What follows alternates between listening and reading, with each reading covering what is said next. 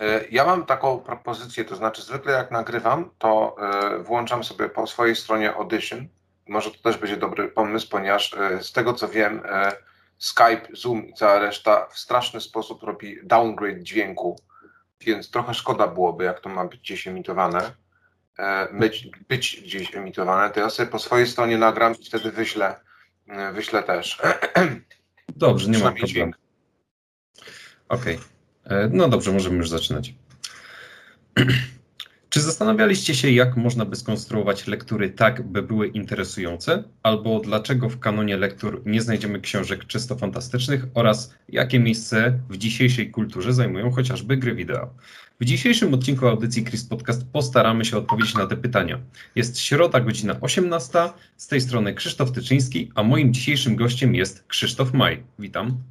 Cześć, witam doktor Katedry Technologii Informacyjnych i Mediów na Wydziale Humanistycznym Akademii Górniczo-Hutniczej w Krakowie oraz autor kanału na YouTube o nazwie Krzysztof M. Maj. Guilty as charged.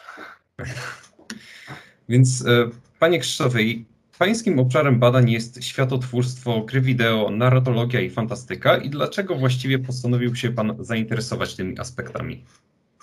No, myślę, że odpowiedź na to pytanie jest, jest krótka i treściwa, mianowicie dlatego, że jest za mało badań na ten temat, biorąc pod uwagę skalę zjawiska. Doszliśmy do paradoksalnej sytuacji, w której duża część środowiska akademickiego e, po stronie humanistycznej labidzi nad tym, że kończy się cywilizacja, ludzie nie czytają, muzea pustoszeją, do teatrów nikt nie chodzi, a tymczasem pomijają e, w swoim światopoglądzie ten prosty fakt, że bardzo duża część ludzi uczestniczy w kulturze po prostu w zupełnie inny sposób, oglądając animki na Netflixie, seriale, filmy, w, streamingu najczęściej, ale jeśli już to w kinach i niekoniecznie na festiwalach kina niezależnego, no i oczywiście również gra w gry wideo. I mogę powiedzieć z własnego doświadczenia, że jeszcze mi się nigdy nie zdarzyło, że jeżeli poruszałem jakiś temat nawet bardzo trudny z zakresu badań nad kulturą czy narracją i prosiłem o przykłady, Ba, nawet na wykładach zdarzało się, że nie musiałem prosić o przykłady, ponieważ one same przychodziły od tych ludzi, którzy podobno nie uczestniczą w kulturze. Więc e, jest to pewien paradoks i pętla, w którą e, wpadło środowisko naukowe, w dużej części oczywiście, bo nie na wszystkich uczelniach, szczęśliwie w Polsce, e, pętla mianowicie samosprawdzającej się przepowiedni. To znaczy, no trudno, żeby mm, aktywizować ludzi w obszarze kultury w momencie, w którym e, oferujemy im okazję do namysłu nad ramotkami z XVI wieku. One są oczywiście istotne, tak samo jak istotne są wykopaliska archeologiczne, ale wyobraźmy sobie przez moment, że 90% przedstawicieli nauk ścisłych to archeologowie. To nie jest e, e, racjonalne rozwiązanie. Archeologowie są potrzebni, ale równocześnie i wykorzystują jak najbardziej wiedzę techniczną e, i naukową w ramach wykopalisk archeologicznych, ale równocześnie potrzebujemy ludzi, którzy będą myśleć o przyszłości. I w humanistyce jest dokładnie tak samo. I gdyby humanistyka nad czym ja staram się pracować, e, myślała w sposób właśnie prospektywny, a nie tylko i wyłącznie retrospektywny, więc myślała o przyszłości, a nie wyłącznie o przeszłości, to wówczas okazałoby się, że współpraca z naukami technicznymi jest banalnie prosta. Właśnie w tych obszarach, które wymagają m, chociażby analizy narracji audiowizualnych. Gry wideo są tu oczywiście najlepszym przykładem. Na Pańskim kanale możemy natrafić na materiały dość krytycznie odnoszące się do naszego systemu edukacji. A mówiąc oczywiście o polskim systemie edukacji, nie trudno nie powiedzieć o lekturach szkolnych. I kiedy pan uznał, że lektury szkolne należałoby drastycznie zmodyfikować oraz w jaki sposób miałoby do tego dojść? Szczerze mówiąc, wtedy, kiedy jeszcze byłem w szkole, to znaczy miałem taką e, praktykę, śmialiśmy się w rodzinie zawsze z tego, że e, lektury, lektury są po to, żeby przeczytać je w najmożliwie jak najszybszy sposób, żeby móc przejść później do książek, które są naprawdę miłe i które się dobrze czyta.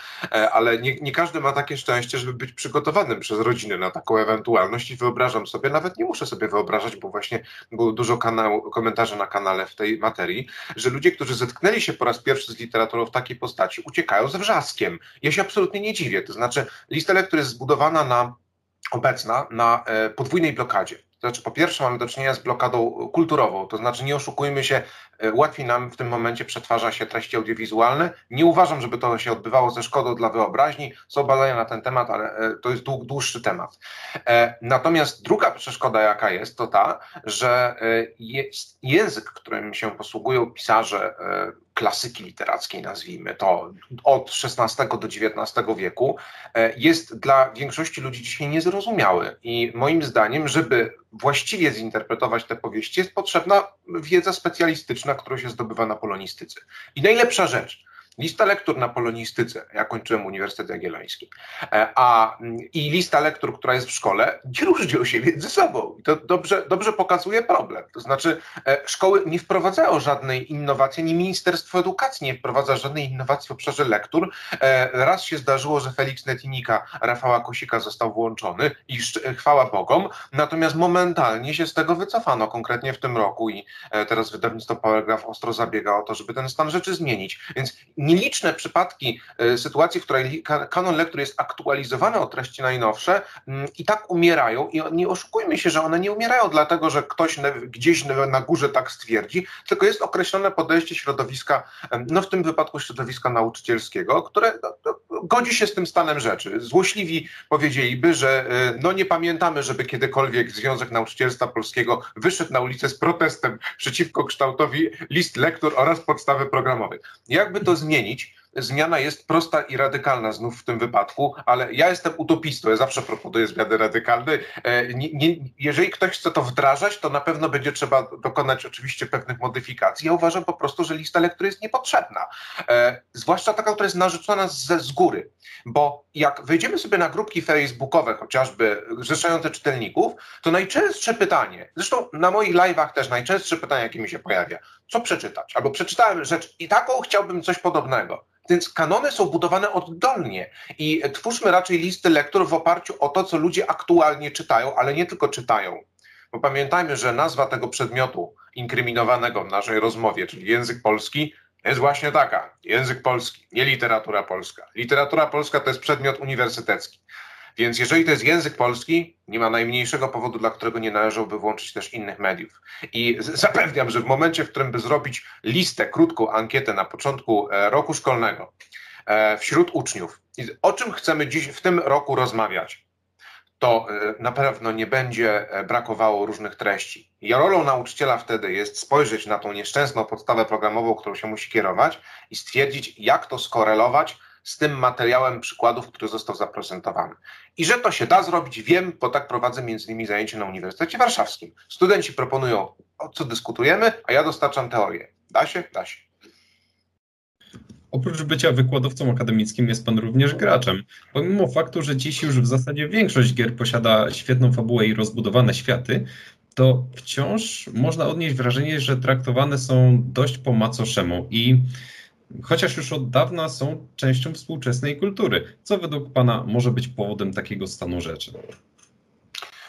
Powodem jest przede wszystkim to, że y, kultura i nauka są traktowane jako coś rozłącznego. Bear with me. Chodzi o to, że w momencie, w którym sobie otworzymy dowolne prasy albo portale i będziemy szukać treści poświęconych grom wideo, to znajdziemy je w najlepszym przypadku w sekcji typu nauka i technologia albo na portalach, które się zajmują w ogóle e, albo IT, albo sprzętem komputerowym itd. Tak itd. Tak Jest to w pewnym sensie zrozumiałe, bo duża część, zwłaszcza graczy w Polsce, to jest wciąż sektor PC, e, ale sektor konsolowy jest bardzo również silnie obecny obecny na naszym rynku i przypuszczalnie to będzie rzecz zmieniać, bo oczywiste jest to, że e, gracze, którzy grają na konsolach, nie muszą mieć wyspecjalizowanej wiedzy ze zakresu sprzętu komputerowego. Mogą, nie muszą. E, więcej osób, krótko mówiąc, które gra w, w gry co jakiś czas i raczej e, rozrywkowo czysto, a nie w sposób stały, właśnie też gra na konsolach.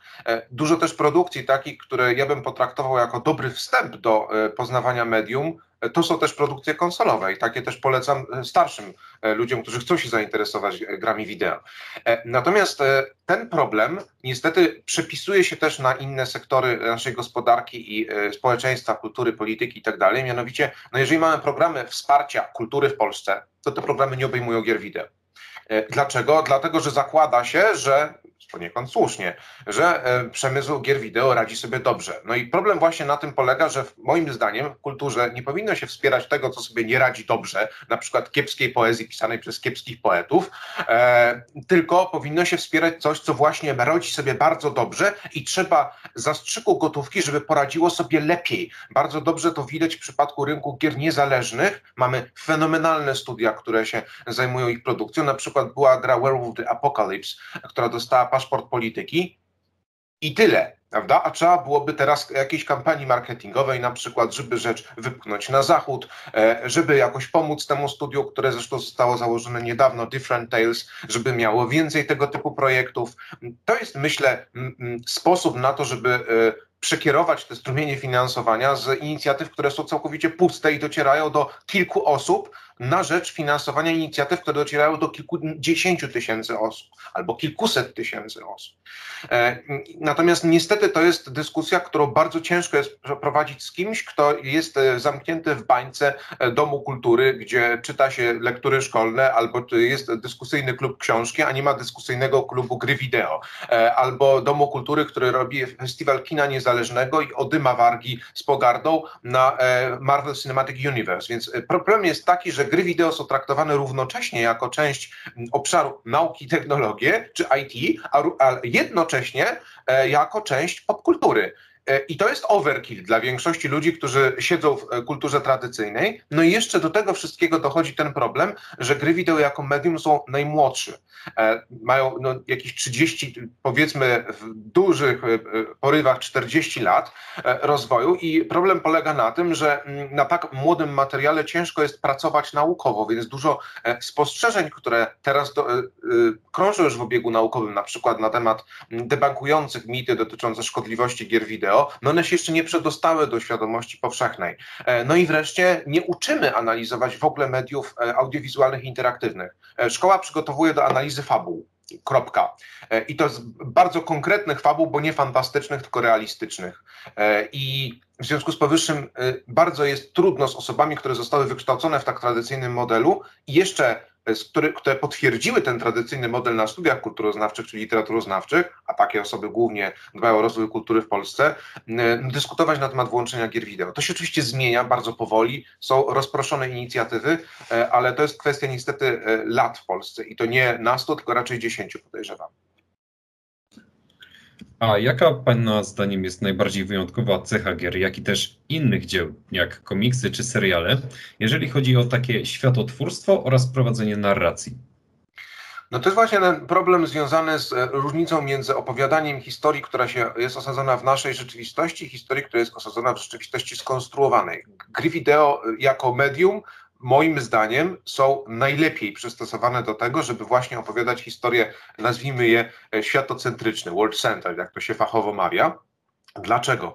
Dlatego, że w grze wideo musimy ten świat stworzyć od strony właśnie technicznej. Nie jesteśmy w stanie zacząć opowiadać historii w grze wideo, zanim nie wymodelujemy świata e, w silniku gry, zanim nie dopasujemy tekstur, nie zrobimy tych wszystkich podstawowych rzeczy, których nie musi robić e, ktoś, kto na przykład wychodzi z kamerą w plener i kręci film dokumentalny.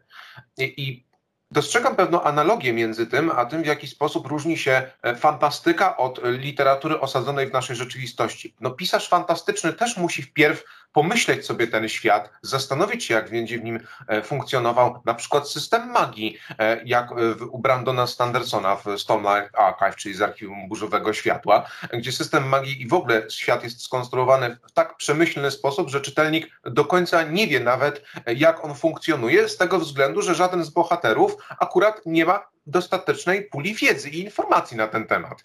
E, I to pokazuje, że wiedza na temat świata zawsze będzie wyższa po stronie światotwórcy, e, tego, kto ten świat stworzył zatem. Mm, I to jest e, fenomen, który w moim przekonaniu łączy fantastykę z grami wideo. Dużo gier wideo, nie powiem, że większość, bo zawsze się znajdzie ktoś, kto powie, a nie, nie ta, realizuje światotwórstwo fantastyczne, ale zdecydowana większość tak, ponieważ jest to po prostu intuicyjnie związane z całym tym procesem światotworzenia. Nawet jeżeli osadzamy grę wideo w świecie rzeczywistym, dobrym tego przykładem jest Grand Theft Auto, to i tak sprowadzane są pewne modyfikacje po to, żeby wywoływany był ten efekt niesamowitego, ten efekt nowości, który jest ważny w grze wideo, bo gra wideo chce, żebyśmy eksplorowali jej świat. Nie będziemy chcieli eksplorować świata naszego bloku okolicznego śmietnika i parku, bo jest to nieinteresujące z perspektywy poznawczej. O wiele chętniej udałbym się w grze wideo na przykład na Antarktydę albo do, nie wiem, kraju Dalekiego Wschodu lub wręcz przeciwnie do Ameryki. W związku z powyższym jest, tylko jeden problem, tak? To znaczy, jeżeli marketujemy grę wideo i chcemy, żeby o, tutaj była taka egzotyczna Japonia, no to gracze z Japonii niekoniecznie w tej egzotyce japońskiej zobaczą egzotykę japońską, prawda? Więc fantastyka jest o tyle naturalna, że ona wyobcowuje nas wszystkich, jest inna dla każdego, nie wywołuje problemów politycznych e, skandali różnego autoramentu, jak na przykład gra Six Day in Fallujah, e, która e, w tym momencie, no, no nie powiem jeszcze, że została zbanowana, ale opóźniono jej wydanie i prawdopodobnie będzie ocenzurowana. Chodzi o, o grę opowiadającą o wojnie w Zatoce i użyciu białego fosforu w pociskach. No więc widać właśnie, jak niewprowadzanie tych wątków fantastycznych może robić pewne problemy. Więc myślę, że tutaj właśnie leży ten, ten fenomen, ta wyjątkowość gier wideo i zarazem fantastyki i również kość niezgody, bo y, i poloniści, literaturoznawcy i kulturoznawcy, i to mówię z podurego doświadczenia, absolutnie nie są przygotowani w Polsce do analizowania narracji fantastycznych, po prostu nie mają na ten temat podstawowej wiedzy i nie wiedzą na przykład chociażby tego, że w fantastyce w pierwszej kolejności właśnie liczy się ta analiza świata, a w drugiej kolejności może to, czy ta fabuła jest poprowadzona tak wybitnie jak w, przez Marcela Prusta, czy, czy może odrobinę mniej. E, więc e, i to samo oczywiście tyczy się gier wideo. Dobrym tego przykładem jest, jest Cyberpunk, prawda, który ma świetnie poprowadzoną fabułę, ale pewne defekty w projekcie otwartego świata. Właśnie jak wygląda sytuacja e, z fantastyką, jak z takimi dziełami jak chociażby Władca Pierścieni, Wiedźmin, Greotron, kiedy możemy powiedzieć, że zastąpią takie tradycyjne lektury jak Król Edep, czy nawet ta słynna lalka? Czy jest w ogóle na to jakaś szansa? Bardzo bym chciał. E, jeżeli już, to myślę, że będzie to proces podobny do tego, który e, doprowadził do włączenia na listy lektur takich rzeczy jak na przykład, nie wiem, Alicja w Krainie Czarów, ile się dalej czyta, tudzież opowieści z Narni, tudzież e, sklepy cynamonowe Szulca, tak, tak, bo to jest fantastyka, mimo że polscy literaturoznawcy tego do końca nie rozumieją. Myślę, że krótko mówiąc, musi to nie być nazywane wprost fantastyką, to jest strasznie ponure i smutne, ale nie jesteśmy w stanie zwalczyć tego stereotypu, obawiam się bo stereotyp związany jest niestety z tym, że duża część polonistów uważa, że ta literatura jest niewartościowa i tutaj poważnieje trochę, bo rzekłbym, iż nie mają kwalifikacji potem, żeby to stwierdzić po pierwsze, a po drugie, że obawiam się, że ta teza jest wygłaszana najczęściej przez ludzi, którzy po prostu właśnie z takimi dziełami nie mieli styczności. E, może przeczytali Hobbita, ale może kawałek Władcy Pierścieni, może obejrzeli tylko w filmach, w kinach, przepraszam, ale nie czytali na przykład Księgi Zaginionej opowieści Tolkiena, albo nie czytali e, Silmarillionu. E, względnie nie zapoznali się właśnie z tą klasyką literatury fantastycznej, o której chociażby mówi Andrzej Sapkowski w rękopisie znalezionym w Smoczej Jaskini, gdzie konstruuje taki kanon, nazwijmy to alternatywny, e, lektur fantastycznych, pod którym ja bym się w dużej mierze podpisał. Mm, więc jeżeli by rzeczywiście komuś rekomendować czytanie fantastyki albo zaczęcie przygody z fantastyką, to myślę, że należałoby właśnie spoglądać e, raczej w kierunku e, konwentów, raczej w kierunku fandomu, e, pisarzy fantastycznych, którzy właśnie starają się popularyzować mm, ten nurt, zwłaszcza z tego powodu, że wciąż, i to mogę powiedzieć z perspektywy akademickiej, liczba książek, poświęconych, naukowych, teorii fantastyki czy badaniu fantastyki, ja jestem w stanie ją w dalszym ciągu przedstawić na dziesięciu palcach jednej, dwóch, obu rąk i o ile nie mniej, o ile nie mniej. Więc mm, to jest pewien problem, którego nie, nie przywalczymy. To znaczy, zanim na etapie nauczania uniwersyteckiego, na wszystkich uczelniach w Polsce, gdzie są polonistyki, nie będzie się nauczało fantastyki i też E, podstaw analizy mediów audiowizualnych, bo to jest równie ważne, mm, to, to myślę, że nie będzie w ogóle takiej potrzeby w środowisku rewizji kanonu, mm, bo e, ta potrzeba jest widoczna bardzo po stronie środowiska uczniowskiego, z którym nikt nie rozmawia.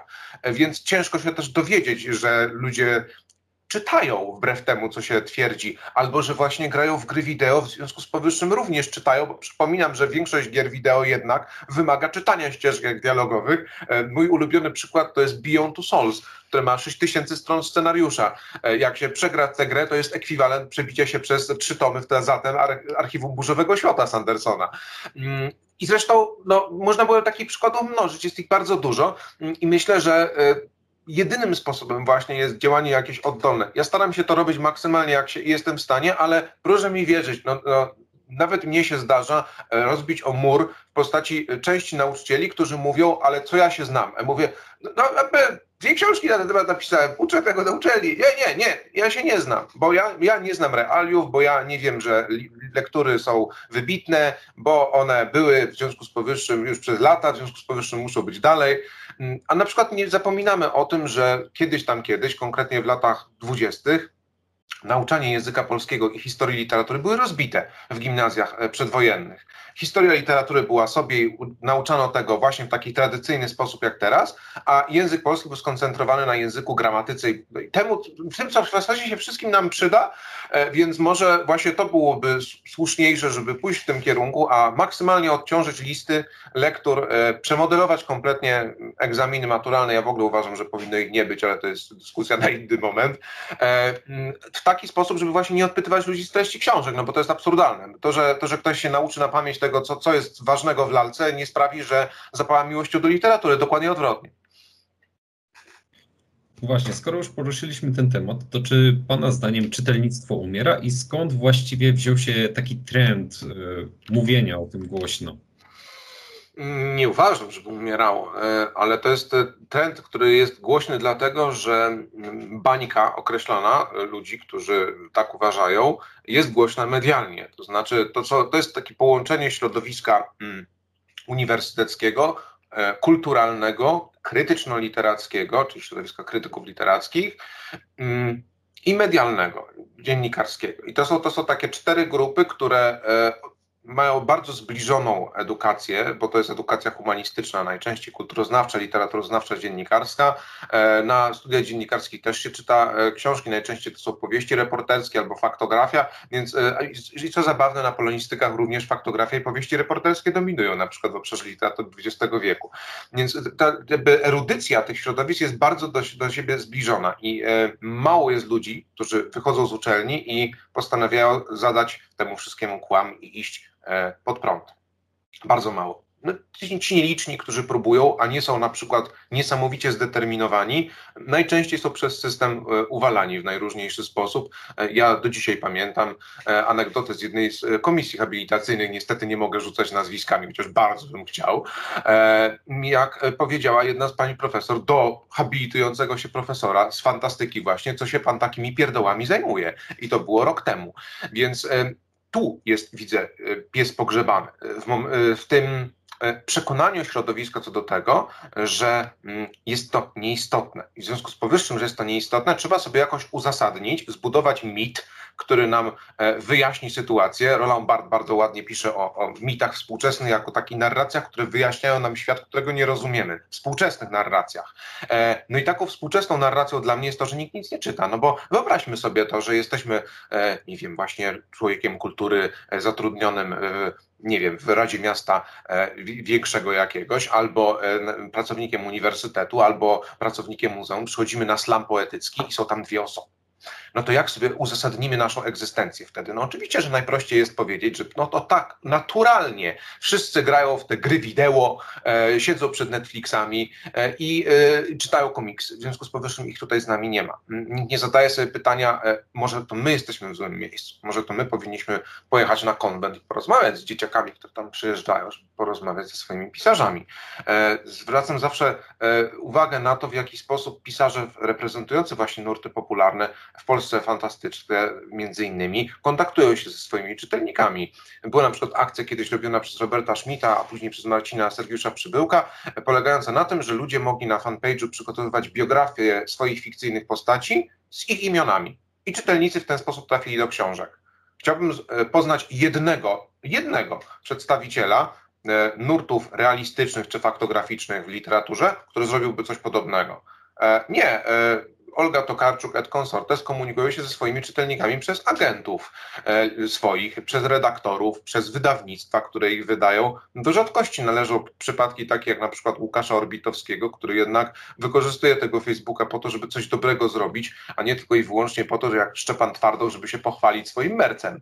E, więc mm, tu myślę, że leży problem, w tym e, odwarstwieniu się grupy, która jest aktywnie zaangażowana w kulturę, od ludzi, którzy są zobowiązani do tego, żeby o tę kulturę dbać i ją krzewić. Problem polega na tym, że właśnie krzewią ją w innych obszarach. I ci sami ludzie z tych samych środowisk są również zatrudnieni w agendach rządowych, które przygotowują statystyki czytelnictwa. Przede wszystkim jest to Instytut Książki Biblioteka Narodowa. Instytut Książki w swojej historii nie przyznał e, ani jednego grantu pisarzowi fantastycznemu, literackiego, co wiele pokazuje. I pamiętam do dzisiaj, jak w panice e, robili e, biogram Roberta M. Wegnera, co wiem, ponieważ mnie to zostało zlecone, jak e, wydawnictwo Powergraph, jeszcze zanim wydało Radka Raka, który, jak wiadomo, dostał nagrodę Nikkei, wtedy wydawnictwo Powergraph zaczęło być rozpoznawane przez środowisko krytyczno-literackie, no więc zostali wydelegowani na targi w Londynie. No i okazało się, że jest siara, ponieważ okazało się, że w indeksie autorów Instytutu Książki nie było ani jednego przedstawiciela prozy fantastycznej, wliczając w to Jacka Dukaja. W związku z powyższym trzeba było to szybko nadrobić. Teraz już jest ten indeks na szczęście nadrobiony, ale pamiętam właśnie moment, w którym zlecano mi przygotowanie hasła Roberta Wegnera, co z radością zrobiłem e, i przejrzałem wtedy indeks autorów Instytutu Książki. Byli tam trzecio-czwartorzędni pisarze i poeci, reprezentujący właśnie nurty główne, natomiast nie było najważniejszych przedstawicieli. No to fantastyczne. To, to jest dowód nie na jakiś spisek, tylko na właśnie odwarstwienie kompletne środowisk krytyczno-literackich od rzeczywistości. No i znowu przygotowujemy statystyki czytelnictwa. E, no tak, ale zapominamy o tym, że polskie czytelnictwo, jeśli już się e, rozwija, no to umówmy się, rozwija się piracko. E, koszt książki to jest 50-60 zł. Koszt subskrypcji Netflixa 40. Do the math. Ludzie, jeśli czytają, bardzo często czytają w szarej strefie.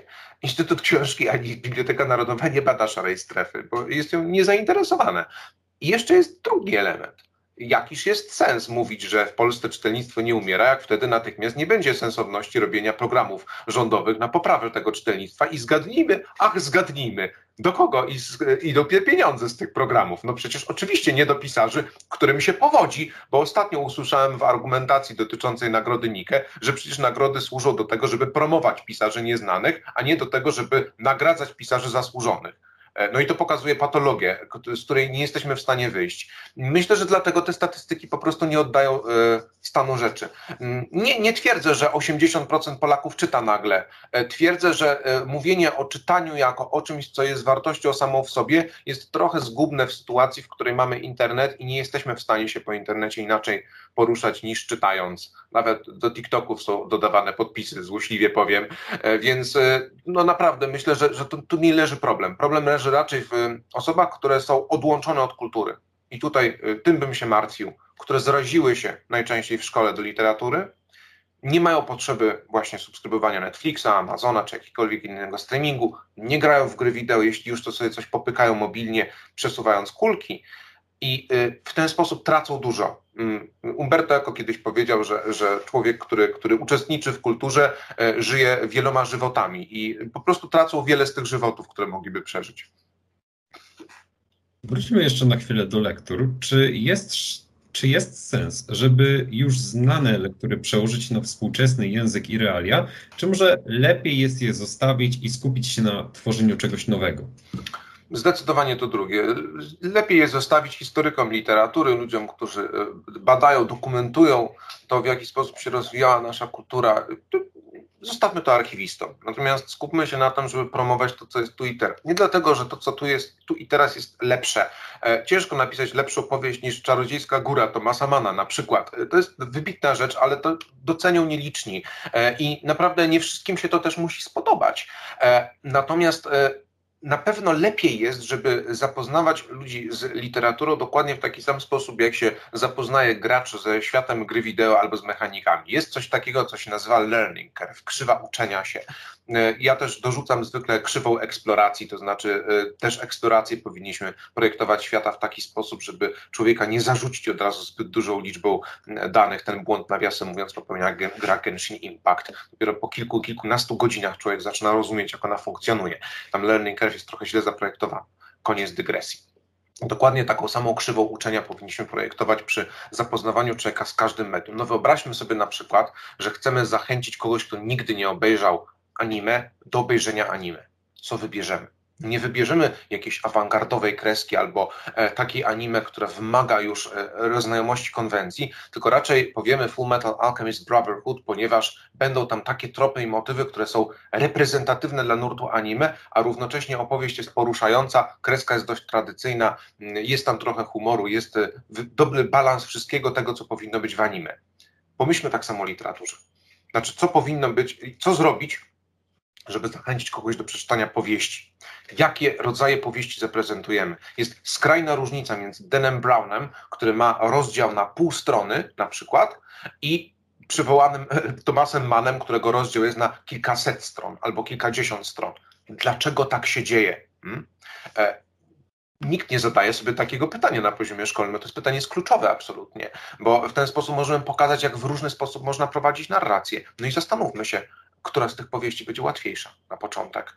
E, tak bym to projektował. E, jest dla mnie kuriozum absolutnym, też się dowiaduję od, od e, uczniów, którzy komentują na kanale filmy dotyczące lektur, jak dużo rzeczy, których ja bym w życiu nie zarekomendował młodemu czytelnikowi, w dalszym ciągu tkwi na liście lektur, jak na przykład Dzieci z Bullerbyn. Astrid Lindgren, która jest najbardziej skomplikowaną opowieścią Astrid Lindgren i moim zdaniem również najnudniejszą, a tymczasem Mio i Mio, którego ja czytałem sobie mając lat właśnie 7-8, e, na list lektur nie, za, nie zawędrował, mimo że fabuła Mio i Mio jest dokładnie jak kiedyś mi uświadomił Stefan Ekman e, z Finlandii, e, profesor zajmujący się studiowaniem map fantastycznych swoją drogą, powiedział, że to dokładnie taka jak fabuła Władcy Pierścieni. Tutaj, I tutaj mamy Czarnego Pana, i tutaj Czarnego Pana, tu mamy Czarny Szpon, tu mamy Pierścień Władzy, jednym i drugim przypadku jest Quest. Wszystko się zgadza.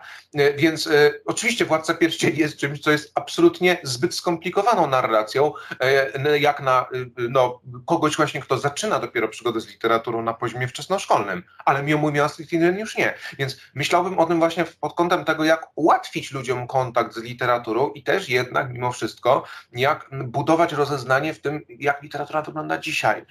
Bo naprawdę dzisiaj się nie pisze takich powieści, jak pisał je Mann e, lat temu stoi ponad, prawda? Nie, nie pisze się takich powieści, jak pisano w Polsce też w XIX wieku, mm, bo tradycje powieściowe współczesne nawiązują w o wiele większym stopniu do powieściopisarstwa zachodniego. E, Jacek Dukaj na przykład, czy Stanisław Lem, czy Andrzej Sapkowski, oni wszyscy czytali prozę zachodnią i inspirowali się nią. To nie jest proza, która wyrosła z naszej tradycji literackiej bezpośrednio. Z bardzo prostego powodu. W Polsce w ogóle powieść zaczyna się później, konkretnie 300 lat później, a wedle innych, mniej ostrożnych szacunków nawet więcej e, niż na Zachodzie. Więc moglibyśmy, e, możemy potem zrozumieć, w jaki sposób e, no, nasza, nasze powieściopisarstwo XIX-wieczne jest jednak mało rozwinięte w stosunku do zachodniego. To, jak, jaki poziom dziś prezentuje powieść, Polska jest zupełnie nieporównywalne z tym, co było wcześniej. Więc dlatego myślę, że, że ta lista lektur, która jest, nawet nie myślę, jestem głęboko o tym przekonany, jest nierelewantna, jest do zastąpienia e, właśnie taką, która będzie ułatwiała kontakt z literaturą. Jednak szkoda, żeby ludzie e, zniechęcali się właśnie. Ja się nie twierdzę, że e, listy lektur powinny zachęcać do czytania, ale nie powinny zniechęcać. Więc one mają dawać raczej rozeznanie, jeśli już upieramy się przy tym, żeby funkcjonowały, a chyba w naszym systemie będą zawsze, póki nie zmienimy systemu, nie zaoramy go i nie posypiemy solą. E, no to niech one chociaż oddają e, rzecz, e, oddają sprawiedliwość rzeczywistości, pokazują, jaki świat jest naprawdę. Myślę, że to jest rozwiązanie najlepsze i chciałbym też, żeby spektrum gatunków, które są e, dostępne w kulturze, od kryminału przez właśnie powieść sensacyjną, e, po fantastykę i wszystkie jej odmiany, czyli science fiction, horror, literatura grozy, fantazy, są zupełnie inne nurty, e, żeby to było reprezentowane, bo w tym momencie jest reprezentowany jeden nurt powieściopisarstwa, and I, kid you not, to znaczy literatura realistyczna. Koniec. Nie, nie ma innych nurtów. To jest, to jest jeszcze faktografia. To jest poważny błąd, bo właśnie on buduje takie przeświadczenie, że tylko te nurty są częścią tak zwanej kultury wysokiej. Mhm. E, I ta, to pojęcie kultury wysokiej jest koszmarem absolutnym i też tym czymś, co bardzo krępuje ręce, bo jeżeli mówimy kultura wysoka, myślimy kultura niska, myślimy popkultura, myślimy kultura masowa. Tak samo jest w przypadku gier wideo swoją drogą. Jest tak, walczę od lat z tym terminem serious games, które jest używane bardzo często do gier niezależnych, dlatego że poruszają ważne problemy. No ale gry wideo AAA też poruszają ważne problemy. Nie wiem, niewolnictwa, wykluczenia i tak dalej. W samym Cyberpunku mamy tego dużo. W Wiedźminie, w Assassin's Creedach. To są gry AAA, wszystkie. Więc e, nie rozumiem, dlaczego jest coś takiego jak Serious Games. Jedynym wyjaśnieniem jest to, że ktoś, kto lubi tego rodzaju gry, chciał potraktować inne gry jako niepoważne. E, I musi, powinniśmy być wyczuleni na tego rodzaju pojęcia i myślę, że, że one właśnie sterują bardzo naszymi wyobrażeniami mm, tego, co jest w kulturze. A jeżeli, o, a jeżeli chodzi o twórców fantastyki, to jacy są aktualnie najbardziej obiecujący? No, z obiecujących to w tym momencie mogę od razu powiedzieć, że, że bardzo dużo jest e, wreszcie e, pisarek fantastycznych. Jeżeli ktoś jest zainteresowany ich taką bardzo dobrą reprezentację stanowi antologia e, Harda Horda, e, która została wydana przez wydawnictwo SQN. Natomiast e, poza tym obawiam się, że środowisko debiutantów w obszarze fantastyki jest mocno niedoszacowane, a to z tego względu, że nie ma za bardzo gdzie publikować. Jest parę wydawnictw, które wydają. Jest taka inicjatywa wydawnicza Fantazmaty, o której mówię wszędzie, gdzie tylko mogę, robiona przez fanów dla fanów, skupiająca właśnie najmłodsze nazwiska z polskiej fantastyki. Zresztą redagowano e, również przez Magdę Świerczek-Gryboś, jedną z tych, z tych e, autorek z Hardej Hordy też redaktorki promującej literaturę, literaturę fantastyczną. Więc um, tego rodzaju rozproszonych inicjatyw jest sporo, natomiast wydawnictw, które wydają prozę fantastyczną polską, jest bardzo niewiele. E, Supernowa w zasadzie cementuje swoją obecność na rynku wydawniczym nazwiskiem Andrzeja Sapkowskiego od lat i nie wydaje praktycznie nikogo, chociaż wcześniej wydawała bardzo wielu polskich twórców. E, o, począwszy od takiego klasyka jak Janusz Zajdel, a skończywszy na takim mało znanym pisarzu fantastycznym jak Jacek Dukaj, e, który nie był rozpoznawany przez środowisko literackie wtedy, kiedy wydawała go Supernowa, zaczął być wtedy, kiedy zaczęło go wydawać wydawnictwo literackie. Nie? E, I oprócz tego mamy wydawnictwo MAK, wydawnictwo Rebis, Zyski Spółka z takich większych, które wydają prozę zagraniczną, głównie. E, wydawnictwo MAG ma taką flagową serię Artefakty i Uczta Wyobraźni, w której naprawdę robi genialną robotę, przybliżając najwybitniejszych twórców zachodnich. E, no, natomiast właśnie problem jest z debiutantami. Takim fenomenem było od lat wydawnictwo Powergraph, które dba o opowieści z mekańskiego pogranicza Roberta Wegnera, no i właśnie też twórczość Radka Raka i paru innych pisarzy, Cezarego Zbierzkowskiego między innymi również. Holocaust F był, był wydany, Distortion później. E, natomiast e, ciężko mi jest właśnie powiedzieć, e, bo sam interesując się nawet literaturą fantastyczną, mam słabsze rozeznanie w tym, jaki jest rynek debiutantów, właśnie z tego względu, że nie bardzo ten rynek debiutantów jest obecny medialnie. Ja też jestem troszeczkę, przez to, że śledzę w tym momencie rynek gier wideo, bardziej odwarstwiony od tego. Mam nadzieję, że, że to się zmieni. Niemniej polecałbym wszystkim, którzy są zainteresowani właśnie poznawaniem nowych nazwisk, młodych nazwisk, e, jednak zwrócić uwagę na e, czasopisma, e, może nie od razu właśnie nową fantastykę, gdzie trafiają absolutnie najlepsi z najlepszych, ale z innych, które w dalszym ciągu są mm, bardzo taką silną podporą środowiska fanowskiego w Polsce, czyli czasopisma internetowe, czasopisma niezależne, wydawane przez, przez bardzo często też organizatorów konwentów. Zainteresowałbym się grupą wydawniczą Fantazmaty, ich antologiami. One są bezpłatne, darmowe. Redaktorzy Fantazmatów też pracują za darmo autorzy również, więc to jest inicjatywa e, typowo fanowska. E, no i wreszcie też czasami, czasami się dochodzi do tego, jak na przykład w wypadku Wiedźmina była antologia e, Szpony i Kły, gdzie też zaproszono parę polskich nazwisk. Dużo też pisarzy fantastycznych i trudno im się dziwić, ląduje w branży gier wideo i pisze tam questy albo pisze fabuły. Takim najbardziej znanym nazwiskiem, które teraz jest w obszarze game devu jest Marcin Sergiusz Przybyłek, autor absolutnie wybitnej serii Game Deck, który teraz pracuje nad grą Game Deck, więc właściwa osoba na właściwym miejscu. E, I mm, tak myślę, że, że krótko mówiąc, to o czym dzisiaj rozmawiamy, te, te procesy y, kulturowe i, społeczne, które doprowadzają do tego, że te, te, tym debiutantom jest ciężej fantastycznie i pisarzom fantastycznym jest ciężej, no właśnie prowadzą do paradoksalnej sytuacji takiej, w której jeżeli chcemy się dowiedzieć czegoś na temat młodych pisarek i pisarzy, którzy debiutują na rynku fantastycznym, to, to nie z nowych książek, to nie z portali kulturalnych, to nie ze studiów, zresztą na pewno, literaturoznawczych, e, tylko z konwentów, e, ze zlotów fanów, z zinów, z portali fantastycznych e, i z niezależnych wydawnictw wydawniczych, inicjatyw wydawniczych. A tak jeszcze na koniec, czy mógłby Pan się podzielić jakimiś poradami na temat tego, jak e, tworzyć światy i mm, na co powinno się zwracać uwagę przy ich kreacji? O, trudny, trudny, długi wątek. Mm, myślę, że y, y, ponieważ y, formuła no i na to pozwala, to udzielę odpowiedzi lapidarnej, wcześniej tylko asekurując się tym, że jeżeli ktoś chce rzeczywiście takich konkretnych informacji, to najlepiej się zrzeszyć w jakiejś grupce albo Discordowej, albo Facebookowej, e, na przykład Conwordowej. To jest skrót od Constructed Words, e, gdzie e, są absolutnie niesamowici ludzie wymieniający się wiedzą już bardzo specjalistyczną z tego zakresu Odróżnijmy też światotwórstwo na białej kartce, które się przydaje do tworzenia RPGów, które się przydaje do tworzenia powieści fantastycznych od światotwórstwa technicznego, praktycznego, czyli level designu, projektowania poziomów na potrzeby gier wideo. E, no to e, zaasekurowawszy się, już mogę przejść do mojej lapidarnej odpowiedzi, że myślę, że musimy się zastanowić nad tym, co e, tworzy w ogóle świat w naszym rozumieniu, znaczy co nazywamy światem, coś, co nas otacza, prawda? Najprostsza odpowiedź, ale druga odpowiedź, która jest tuż za nią i czai się, kryje, e, to ta, że ten świat jest zbyt skomplikowany, żebyśmy go byli w stanie objąć w całości. Nie mamy wiedzy kompleksowej, która pozwala nam rozumienie wszystkich mechanizmów rzeczywistości. Gdyby tak nie było, nie pojawiłby się na YouTubie kanał Real Life Lore chociażby. Właśnie ta wiedza o świecie lore to jest absolutnie kluczowa rzecz. E, ja na przykład świat uniwersum, e, czy uniwersum Warhammera 40k, czy Warhammera Fantasy, które kocham miłością bezbrzeżną, poznawałem długie lata z encyklopedii fanowskich.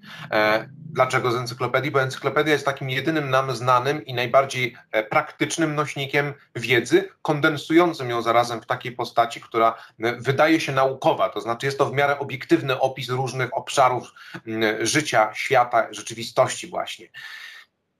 Więc pisać encyklopedię, myśleć o świecie jako nie o czymś, co istnieje, tylko jako o czymś, co funkcjonuje w naszej wyobraźni czy w naszych umysłach.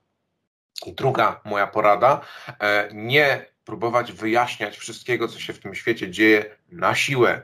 Niech niektóre rzeczy z tego świata będą zatajone, będą nieznane. Zwróćmy na uwagę na to, że nasz bohater nie musi być profesorem, doktorem habilitowanym biologii molekularnej ani fizyki. E, on nie musi wiedzieć, jak funkcjonuje rzeczywistość, która go otacza. Nie musi być magiem e, szóstej gildii i znać znakomicie wszystkie reguły funkcjonowania systemu magicznego. Jeżeli będzie parobkiem, to będzie miał wiedzę taką, jaką ma parobek i nie będzie znał tych wszystkich skomplikowanych mechanizmów z rzeczywistością, będzie się cieszył życiem i próbował pracować na roli. W związku z powyższym powyższym y, musimy się zastanowić nad tym, z czyjej perspektywy pokazujemy świat, ale zarazem wcześniej powinniśmy mieć pewne dane, jakieś archetypy, e, prawa rządzące tę rzeczywistością gdzieś spisane w jakimś notesie, żeby się nie pomylić, tak jak to zrobiła wiele razy J.K. Rowling, e, hołdująca raczej e, tradycji tworzenia świata, tak, trochę tak jak Andrzej Sapkowski, równolegle do opowiadania fabuły żeby to robić sprawnie, trzeba naprawdę wybitnie pisać i znakomicie kontrolować ten proces. Więc jeżeli to się nie udaje takim tytanom e, tw e, pracy twórczej, to jeżeli jesteśmy debiutantami i chcemy tworzyć światy, to bierzmy siły na zamiary i stwórzmy sobie jakiś notatnik, e, opiszmy sobie tę naszą rzeczywistość w dowolnej formie. To może być właśnie forma takich wypisów encyklopedycznych. To się może przydać swoją drogą później, jak będą fani chcieli wiki, jak już powieść osiągnie sukces, albo opowiadajmy sobie historie osadzone w tym świecie. Dobrym treningiem jest pisanie takich e, mitów kosmogonicznych, czyli mitów o powstaniu kosmosu, powstaniu świata, albo jakichś fragmentów starych kronik, pism historycznych. Bardzo często zresztą tego rodzaju wprawki światotwórcze są włączane później przez pisarzy, a to do motta, a to w formie jakiegoś właśnie rękopisu, który znajdują bohaterowie. I to buduje niesamowicie taką e, świat właśnie nie tylko w planie przestrzennym, który jest najłatwiejszy do zaprojektowania, bo wystarczy nam mapka i dużo wyobraźni e, i wiedza niepraktycznego kartografa z, z Face'a. Polecam swoją drogą, śledzenie profilu jest znakomity. Mm, e, warto jest też świat projektować w przestrzeni czasowej zastanowić się nad tym, jak on funkcjonował, jakie ma zabytki w historii literatury właśnie, filozofii, sztuki, e, jak wyglądał tysiąc lat wcześniej, jak będzie wyglądał tysiąc lat po naszej opowieści. E, zresztą, gdyby tak nie było, to peanatema Nila Stevensona nie rozpoczynałaby się kalendarium na kilka tysięcy lat, kończącym się wypisem, tu zaczyna się nasza historia. Mm, więc trzecia moja rada dla e, światotwórców jest taka, żeby zobaczyć, jak to zrobili inni. E, I niekoniecznie zaczynać od Tolkiena, bo Tolkien jest przypadkiem szczególnym, przypadkiem człowieka, który podszedł do światotwórstwa od strony językoznawczej e, i jeszcze w dodatku stworzył mm, rodzinę języków sztucznych. To, to jest dzieło czy maestria ksenolingwistyki, na którą się nie wzbił dotąd nikt. Nikomu się nie udało stworzyć e, sztucznych języków, które e, łączą się e, w całą rodzinę języków która jeszcze w dodatku dziedziczy po sobie różne mm, właściwości. To jest bardzo trudne i myślę, że e, może nas trochę onieśmielać, jak chcemy stworzyć jakiś świat, że ojej, jest Tolkien. Tak, tak, ale warto też, co Brandon Sanderson bez przerwy mówi, wychodzić poza Tolkiena i zastanowić się nad tym, jak można byłoby świat otworzyć w innym paradygmacie. Więc może nie zacznijmy tak jak Tolkien od języka, ale zacznijmy właśnie od mapy, albo od jakiegoś fragmentu kroniki, mm, albo od jakiejś filozofii, jakiegoś konceptu, Dobrym przykładem Mistborn, czyli z mgły zrodzony Sandersona, co by było, gdyby magii, ma, zaczynem magii były nie jakieś paranormalne zdolności, tylko spalanie metali ciężkich w żołądku. Koncept jest szalony, tak? ale co z niego wyniknie? E, no wynika, wypłynęła z tego przepiękna narracja e, z mgły zrodzonego, jedna z najwspanialszych opowieści w uniwersum Kosmir e, i, i coś, co w ostatecznym rozrachunku miało o wiele więcej sensu niż ten pierwotny koncept. Dziękuję Panie Krzysztofie za tą rozmowę. Mam nadzieję, że rozjaśniliśmy trochę problem związany z lekturami oraz to, jak można by je zmienić. Dziękuję serdecznie również za zaproszenie. Dziękuję też słuchaczom Radia Pałac i jeśli nie zdążyliście na premierę dzisiejszej audycji, będziecie jej mogli odsłuchać na Spotify. Zapraszam też na nasze pozostałe media społecznościowe, jak YouTube czy Facebook, a także na kanał mojego gościa, Krzysztof M. Maj, na którym znajdziecie więcej treści związanych z fantastyką. To była audycja Chris Podcast. Moim gościem był Krzysztof Maj. Jeszcze raz dziękuję. Dziękuję serdecznie. Zapraszam na następną audycję już za tydzień. Do usłyszenia.